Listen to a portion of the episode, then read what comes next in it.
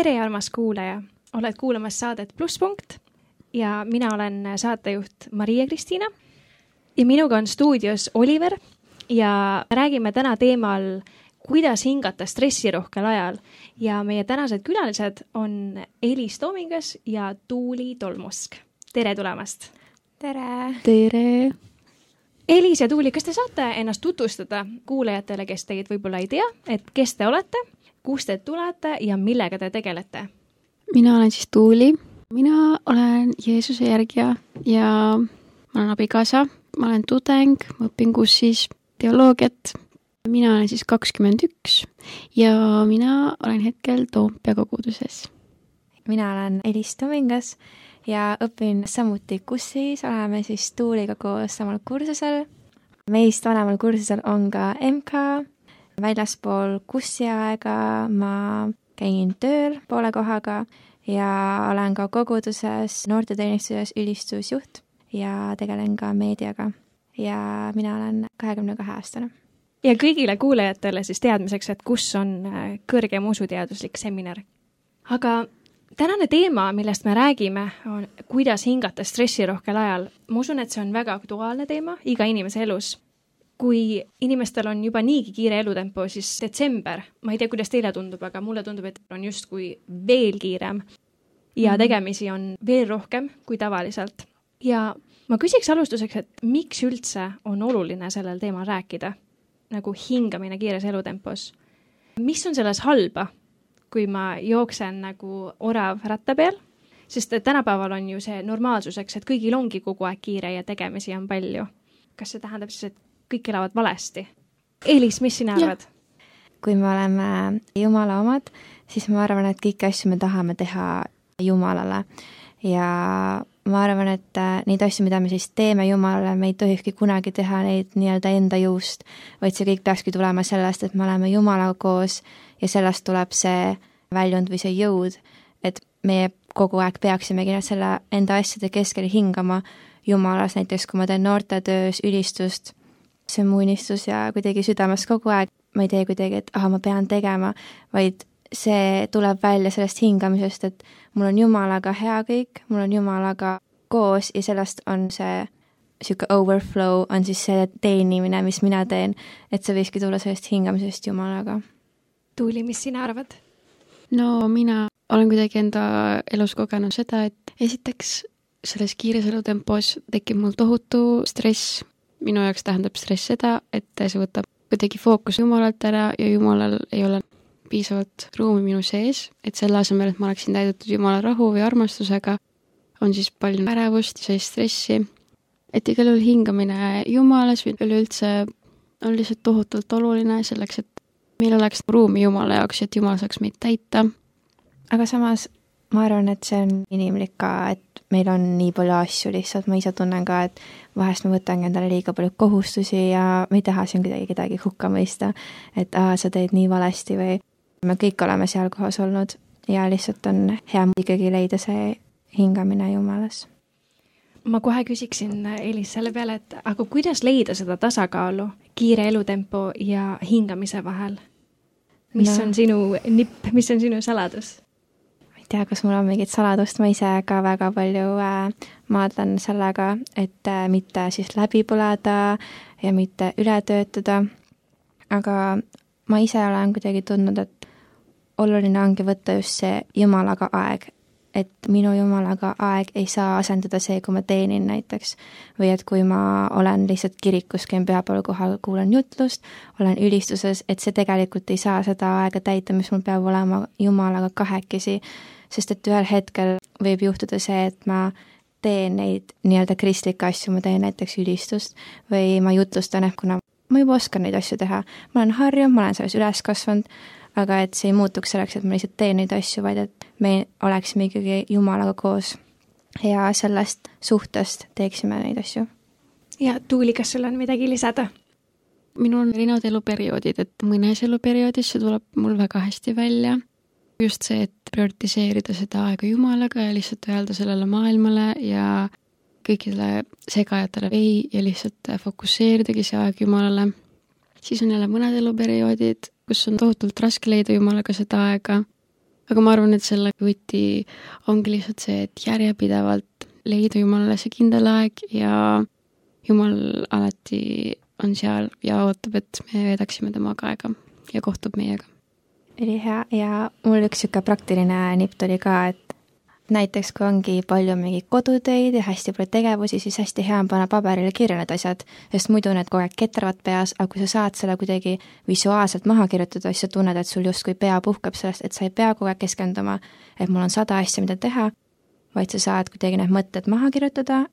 Ja teine asi, mina isiklikult olen hästi harjunud näiteks bussisõidul, et aa, ma pean midagi tegema kogu aeg. et ma sõidan pikalt koju, mingi kolmkümmend minutit, aga et tegelikult ma ei pea ju kuulama kogu aeg muusikat sellel ajal või ma ei pea kogu aeg telefonis olema või sellised asjad, et kuidagi jätta seda just vaba ruumi, et ma ei pea midagi tegema.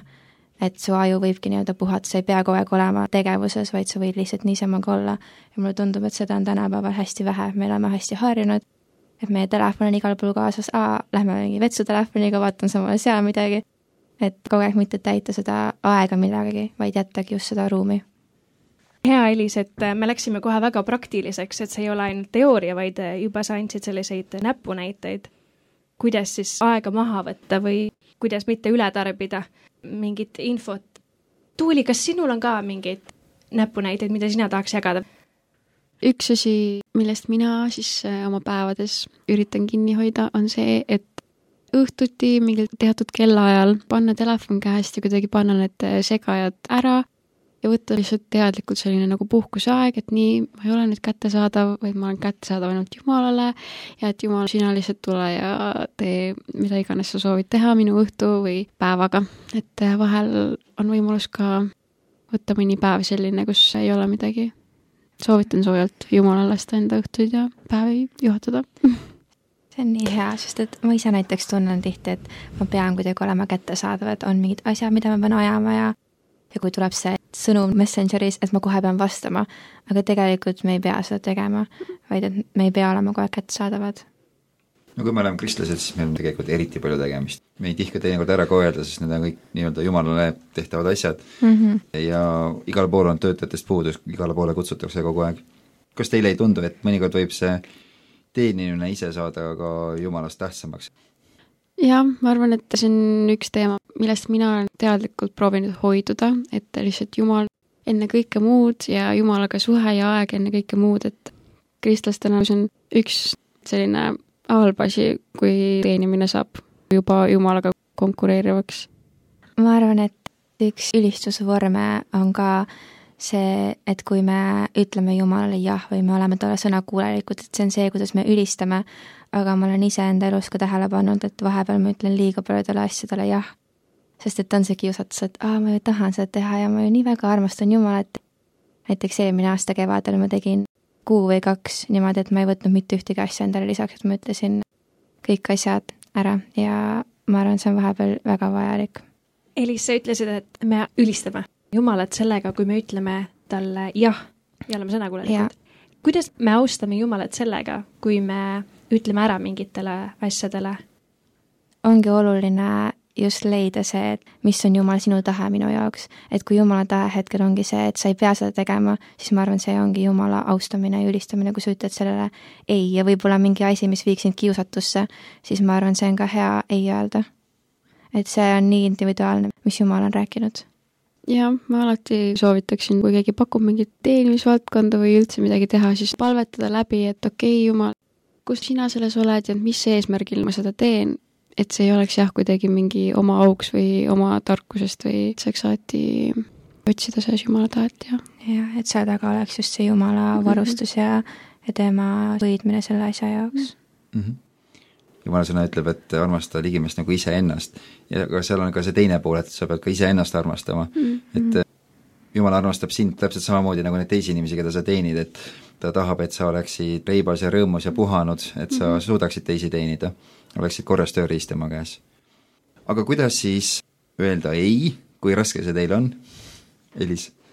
ma tunnen, et vahepeal on ikka väga raske, aga siis ma peangi mõtlema, et tegelikult kui ma võtan midagi vastu, siis see inimene ju ootab, et ma panustaksin sellesse, et ma saaksin anda päriselt enda panuse, aga kui ma ei saa seda teha, siis see ei ole austav nende suhtes, kui ma tegelikult ei saa anda enda täispotentsiaali sinna no võib-olla minul on isegi natukene liiga kerge öelda ei, seepärast et mina kuidagi alati tunnen, et ma ei taha võtta vastu ühtegi kohustust ja vastutust, kui ma tean, et ma ei ole selleks nii-öelda piisavalt heas kohas. võib-olla ma peaksin vahel olema just isegi julgem teha jumalale ruumi. aga minul jah, sellist süütunnet ei teki, kui ma ütlen ei, sest et ma tean, et selle aja ma veedan Jumalaga koos ja kuidagi pühendatud niikuinii talle see on nii tore, kuidas Jumal on inimesed erinevaks teinud ja meil on erinevad mhm. seisukohad ja kogemused. aga nüüd on meil aeg kuulata muusikat ja kes teist laseb esimese loo? Elis tahab siin tutvustada meile midagi põnevat. ja mina laseksin esimese loona teil kuulata Tule minuga, mis on Aaron Usina kirjutatud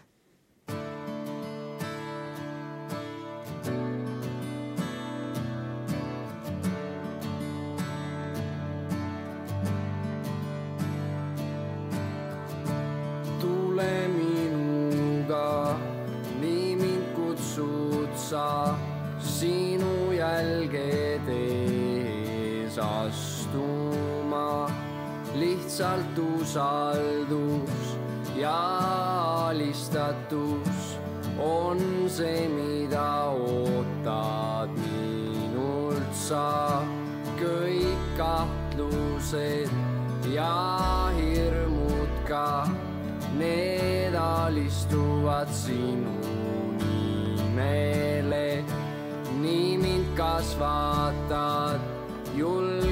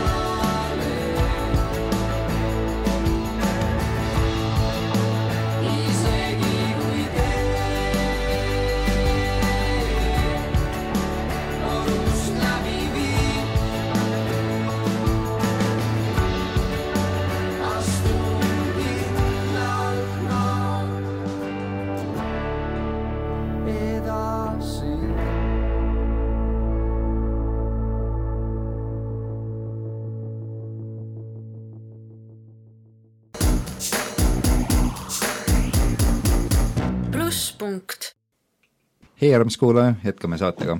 meil on stuudios mina, Oliver, siis on teine saatejuht Maria-Kristina ehk MK ja meil on täna külas Elis Toomingas ja Tuuli tolmusk. ja meie saate teema on kuidas hingata jumalas.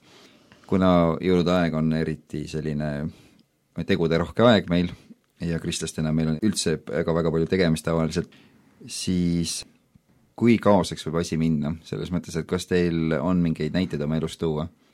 Ma ei tea, kas minu kandevõime on väga väike, aga mina tunnen ikka väga tihti, et kõike on nii palju ja lihtsalt kuidagi emotsionaalselt, et isegi kui tegelikult silmaga nähtavalt tundub, et aa, kõik on tehtav ja normaalses kogudes, siis tegelikult emotsionaalselt tekib väga tihti selline üleküllus kõigest, et kõike on nii palju. aga Elis, tahad vahepeal rääkida? jaa, mina tunnen, et ma ei ole väga hea ajaplaneerija, ehk siis ma arvestan enda aega tihti valesti. ma näiteks mõtlen, et jaa, mul on terve päev vaba, ma teen endal need, need, need asjad ära, nii, ma teen selle aine kodutööd ära, siis ma jõuan veel noortega asju mõelda, siis ma jõuan veel mingi süüa teha, veel koristada, aga kui tegelikult see päev kätte jõuab, ma saan aru, et mul läheb kõige jaoks nii palju rohkem aega, ma juba ärkan kuidagi aeglasemalt hommikul siis näiteks ei ole mingeid toiduaineid kodus, ma pean veel poodi minema ja ma lihtsalt ei jõua nii palju asju teha, kui ma mõtlen, et ma jõuaksin ja lõpuks see kõik kuidagi kuhjub ja siis ma võib-olla võtan veel mingi asja juurde, et aa, tegelikult see on ju tore, see kuidagi värskendab seda hetke, mis mul praegu on, et mingi uus asi, aga siis tegelikult see on just äh, takistuseks veel rohkemgi. no milliseks te muutute, kui kõik on üle pea, kas te olete närviliseks või hakkate nutma või millised te olete? No ma tean, et äh, kui pärast näiteks tööpäeva mul ema vahest helistab, siis ma ütlengi talle ausalt, et ma olen praegu väga väsinud ja ma võin varsti hakata karjuma su peale, sest ma lihtsalt olen nii väsinud ja mul on praegu nii paha olla või sihuke, et ma olen väsinud ja et palun ära lihtsalt räägi minuga praegu, sest et ma võin väga pahaseks saada. jah, mina ka kahjuks pigem muutun närviliseks ja vahel ka tuleb pisaraid, see oleneb olukorrast. Ja ma just mäletan, et paar kuud tagasi mul oli see hetk, kus ma tundsin, et nüüd on küll kõik asjad nii pahasti. ja siis ma olingi kodus ja ma lihtsalt hakkasingi nutma, aga õnneks mul on üks hea sõbranna, kes siis kuulas minu muret ja oli mulle toeks ja ma arvan, et nendes olukordades ongi vaja leida inimese, kellega jagada neid asju, et sa ei ole nendes asjades üksi. tegelikult vahest asjad ei olegi nii halvad, kui need endale tunduvad. nii et tegelikult, kui me oleme väsinud, siis me ei tee ainult liiga iseendale, vaid me võime tegelikult ka kahjustada teisi inimesi, lähedasi.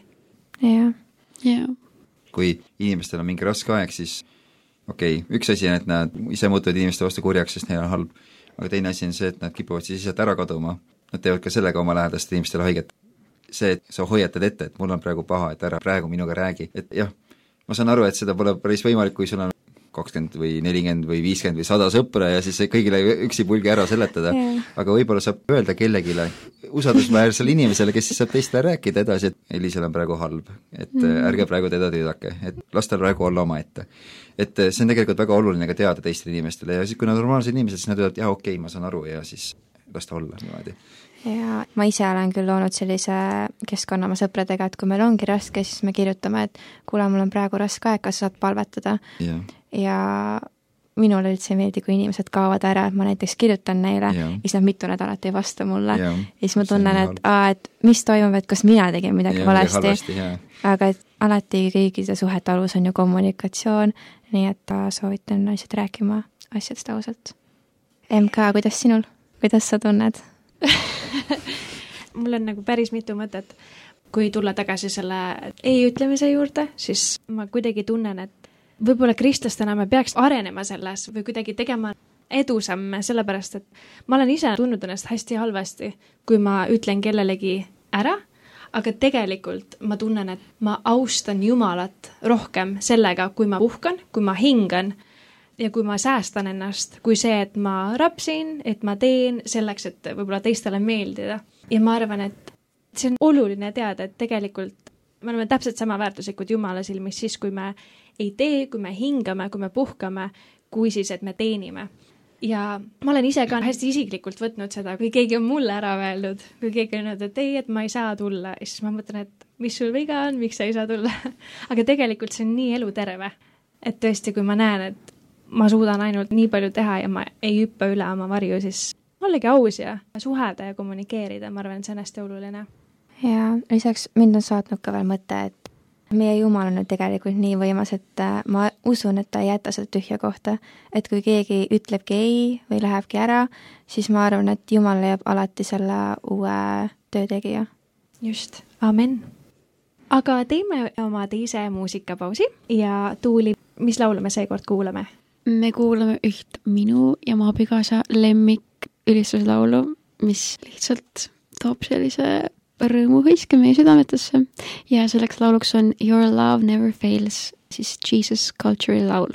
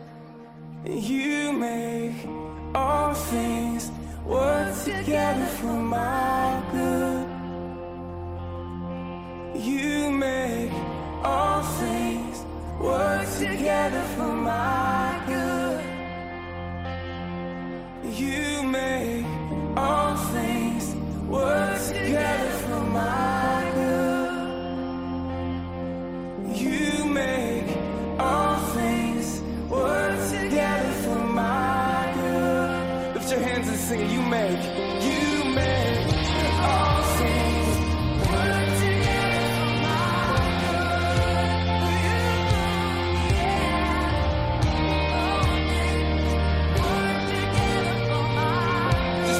good. What you're thankful for.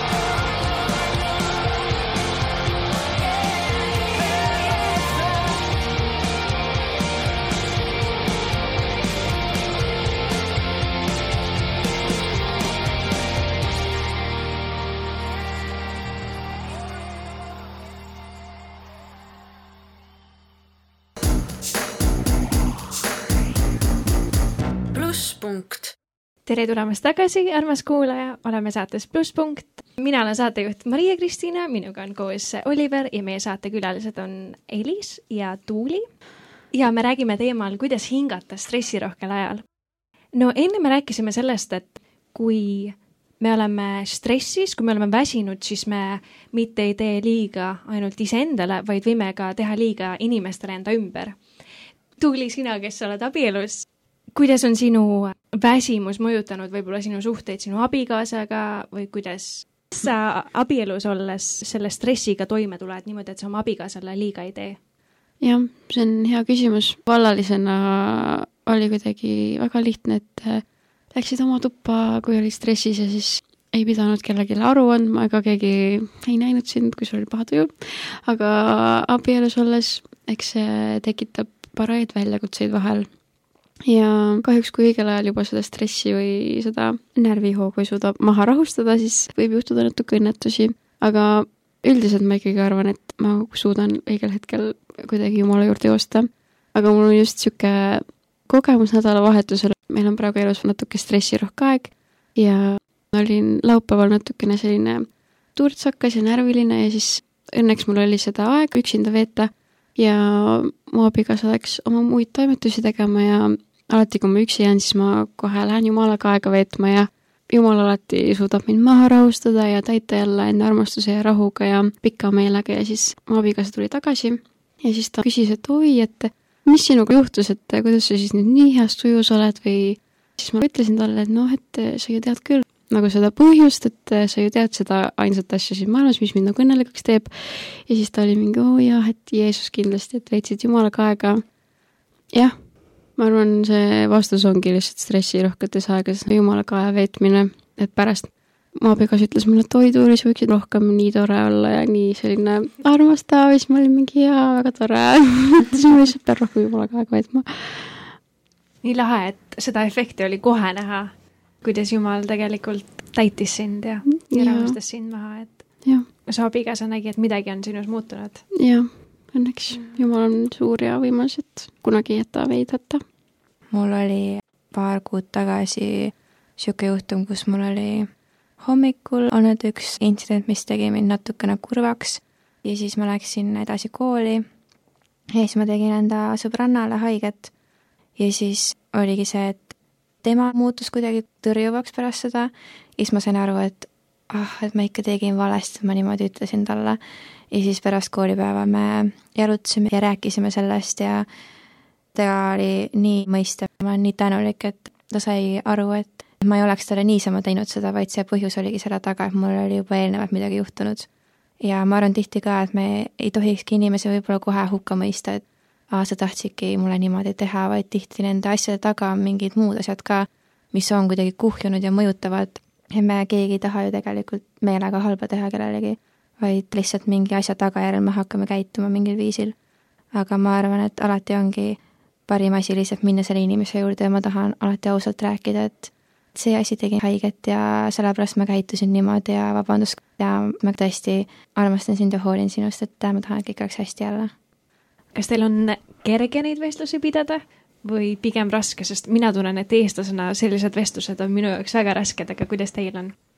ma tunnen, et see on hästi ennast alandav, et sa pead minema selle inimese juurde ja ütlema, et sa tegid valesti. et see on kuidagi nii alandav, aga samas ma ei suuda olla kaua inimestega tülis ja ma tunnen, et ma pean kuidagi südamelt ära rääkima kiiresti asjad. jah, ma olen nõus, et see on tõesti alandav. ma arvan, et see lihtsus ja kergus oleneb, kellele on vaja seda öelda. Kui on võõras inimene või mitte nii lähedane sõber, siis on nagu natukene võib-olla raskem seda teha mm, Mhm. -hmm. sest et päris igaühele ka ei taha näidata, mis mu elus toimub või kuidagi, milline ma olen, aga ma arvan, enda puhul ma tunnen, et lähedastemale inimestele on kergem seda öelda ja vabandada. aga mida te ütleksite sellele inimesele, kes tunneb, et ta võib-olla on elus jooksnud ummikusse ja ta vajab hingamist Jumalas, aga ta ei tea, kust alustada, kust seda otsida või kuidas seda saavutada. kust ta võiks alustada? no ma kohe esimesena ütleksin seda, et pane oma telefon käest ära ja telekas pane kinni ja lihtsalt mine ja pane enda põlved maha ja pane ülistus käima. ja minu jaoks on see vähemalt see koht, kus saab kõik alguse. ja siis muidugi järgmisena mõelda oma peaga kuidagi läbi ka, et okei okay,, kuhu ma siis enda aega panustan ja et kas on midagi minu elus praegu, kus ma saaksin välja tulla või mingid kohustused, mis ma saaksin maha panna. et siis teha praktilisi samme selles osas ka. aga jah, esimesena lihtsalt pane kõik ülejäänud kõrvalised asjad kinni. võib-olla on vaja mõne sõbraga kohtumine ära jätta selleks, et lihtsalt jumalaga koos olla. Elis, ma arvan, et sellistes võib-olla pingelistes olukordades ja üldse rasketes asjades, mis meil elus juhtuvad, on alati kaks võimalust, kas joosta Jumalale lähemale või joosta Jumalast kaugemale. ja me tahame alati olla need, kes jooksevad Jumalale lähemale ja võib-olla aitabki, kui leida inimesi enda kõrvale, kellele jagada sellest, kes oleksid sulle julgustuseks. mina tunnen, et ma olen väga see inimene, kes vajab just teiste inimeste julgustust, kui mul on raske. et sõbrad oleksid ülesehitavad ja nii nagu piibel ka ütleb, et jõudke vastastikuses austuses üksteisest ette. ja ma arvan, et see on hea koht, kus alustada, et leida neid inimesi, kes sind üles tõstavad ja alati vaadata ka, kes on need põhilised inimesed, kellega sa aega veedad, sest et öeldakse ka, et viis lähimat inimest on need, kelleks sa ise kujuned. et valida enda ümber teadlikult siis inimesi, kes mõjuvad sulle hästi ja muidugi ka lihtsalt lugeda piiblit, ma tean, et see on raske, kui sa oledki näiteks depressioonis, sul ongi raske, ah, see ülistus ju ei aita mind või see piibel ju, mis ma loen, ma ei saa midagi aru. aga ma usun, et Jumala sõna on nii vägev, et ükskõik, mida sa loed, see juba avab ukse Jumalale, et tulla sinu ellu ja teha midagi, isegi kui see konkreetne kirjakoht ei ole selle olukorra kohta, siis ma arvan lihtsalt, et Jumala sõna on elav sõna ja püha vaim saab juba midagi teha läbi selle. ja ma arvan, et hästi oluline on ka teadlikult võtta aega Jumalaga siis, kui võib-olla ei ole kõik hästi või kui me olemegi väsinud ja ikkagi otsustada, et ma ikkagi täidan ennast Jumala sõnaga, ma ikkagi täidan ennast ülistusega, isegi kui ma võib-olla tunnen, et ma ei taha või ma tunnen, et mul on nagu nii palju muid asju, mida ma tahaks teha, aga teha see otsus, et ma ikkagi täidan ennast Jumala sõnaga, ülistusega, isegi kui ma võib-olla kohe ei näe seda vilja. jah, ma mäletan, et sina, MK, täiega julgustasid mind ühe enda looga, kui sul oli olnud halb periood ja sa tundsidki, et sa võib-olla ei näe nii ilus välja või kuidagi oled väga kriitiline enda suhtes, siis selle asemel, et peeglisse vaadates öelda, et ma olen nii kole, siis sa ütlesid, et ma olen nii kardetavalt imeliselt loodud. ja ka loevad need sõna, mis me välja ütleme, nii nagu on kirjutatud piiblis, et elu ja surm on keele võimuses, kes mõistab, seda saab süüa selle vilja ja ma arvan, et vahest, kui me isegi ei usu mingeid asju, siis on hea rääkida välja seda Jumala tõde, sest et kui me räägime välja, siis see juba saab luua seda reaalsust, mida Jumal on siis meile tahtnud. ja nii tore, et sa meelde tuletasid selle, sest et ma mäletan, see oli tõesti mitu aastat tagasi, kui mul oli see kogemus, kui ma õhtuti läksin koju liftiga sõitsin ja vaatasin peeglist, et appi, ma tõesti tundsin, et ma olen nii kole ja selle asemel, et öeldagi seda välja, siis kuidagi ma tundsin, et püha vaim viimasel hetkel andis need sõnad, et ma olen nii kardetavalt imeliselt loodud et tegelikult vahet ei ole, mis ma tunnen, see, et ma olen kardetavalt imeliselt loodud, on ju see, mis Jumal minust arvab. ja ma sain otsuse teha, et kas ma kõnelen elu enda üle või surma. Mm -hmm. ja sel hetkel ma otsustasin, et ma kõnelen elu. Ja isegi kui see uskumine tõesti, et ma olen ilus, see ei tulnud võib-olla kohe, siis ikkagi ma usun, et on hästi oluline olla järjepidev ja seda teha pidevalt, et siis lõpuks jõuab see ka südamesse. jah, ja see võib olla relevantne ükskõik mis olukorras siis. jah, et nagu ma enne ka ütlesin seda kirja kohta, et armasta ligimest nagu iseennast, et jumal pole öelnud, et vihka ligimest nagu iseennast. et kui sa suudad armastada iseennast ja öelda endale, et sa oled ilus, siis sa suudad armastada ka teisi et siis sa ei kadesta neid, vaid armastadki neid.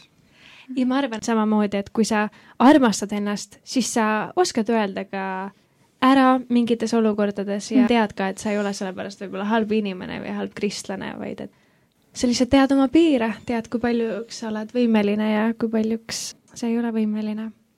ja nüüd kuulame jälle muusikat. Elis, nüüd on jälle sinu kord. mina lasen siis ühe loo Ei karda maa. juhid sa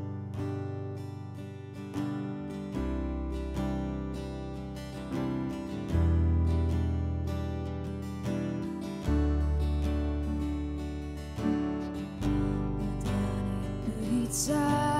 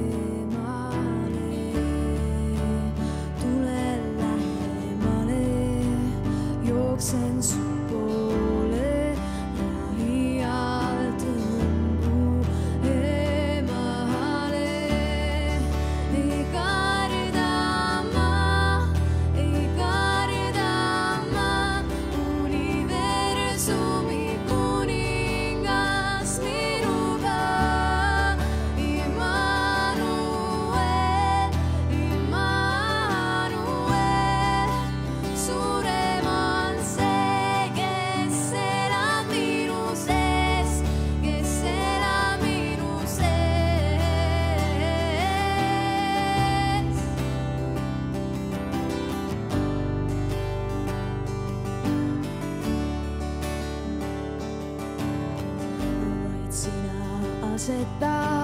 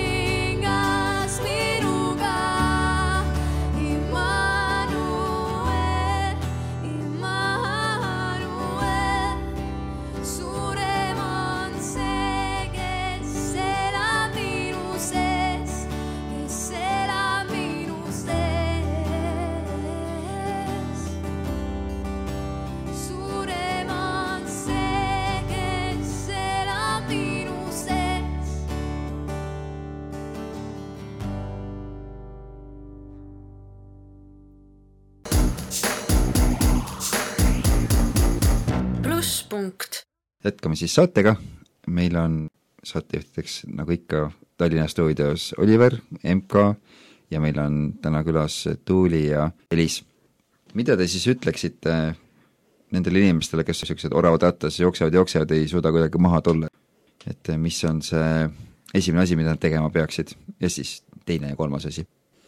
võib-olla esimese asjana võikski mõelda, et need kohad, kus sa siis oled, kas siis teenimas või ükskõik mida tegemas, et miks sa seal oled ja miks on see põhjus. ja võib-olla, kui see miks enam ei olegi nii kindel, et siis võib-olla see on see üks koht, kus nii-öelda lahti lasta. see on nii hea, Elis, see on nii lihtne, aga samas nii praktiline.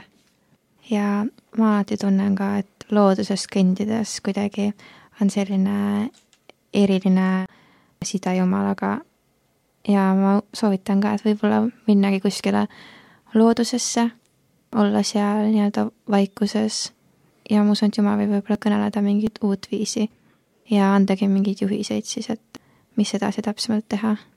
ehk siis minna kohta, mis on inimesele meeldiv. jah, minu puhul loodus, aga võib-olla mõnele teisele mingi muu koht.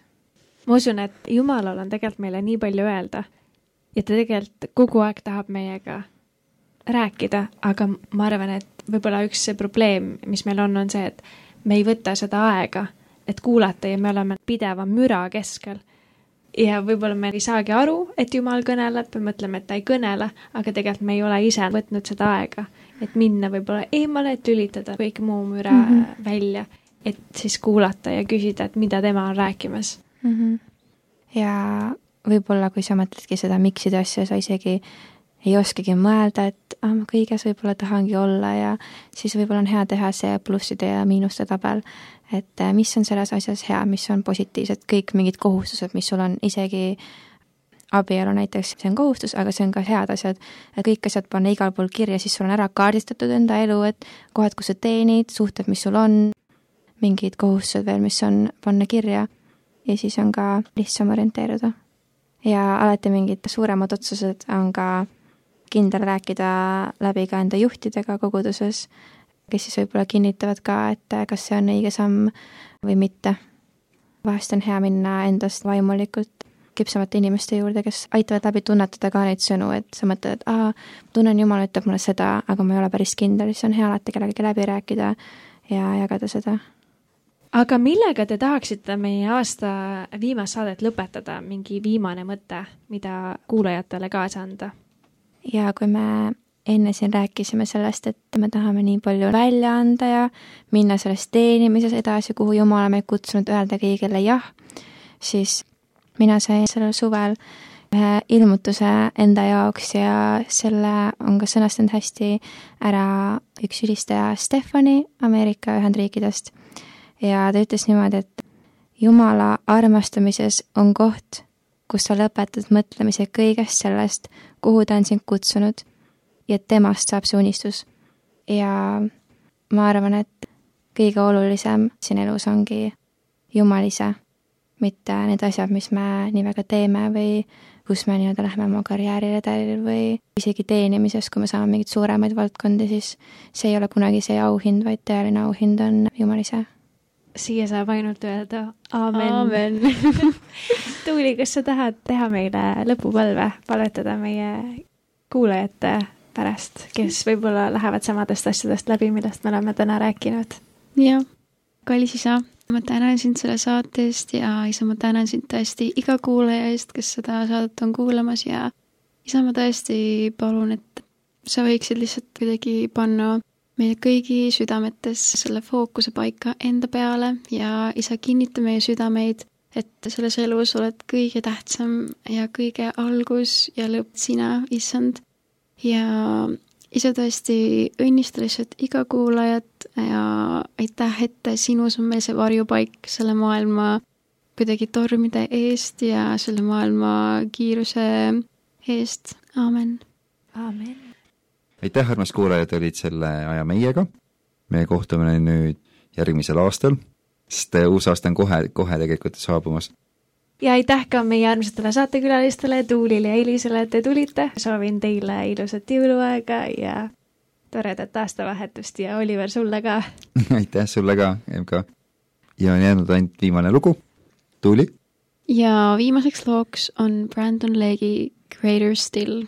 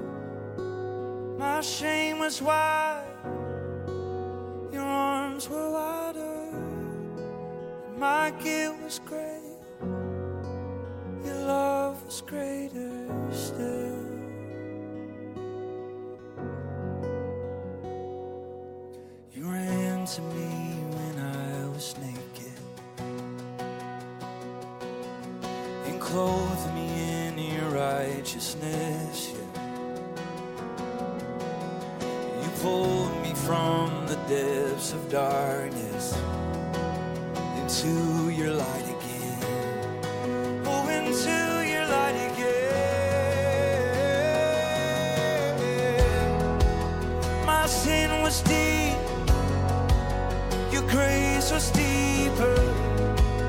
My shame was wide, your arms were wider.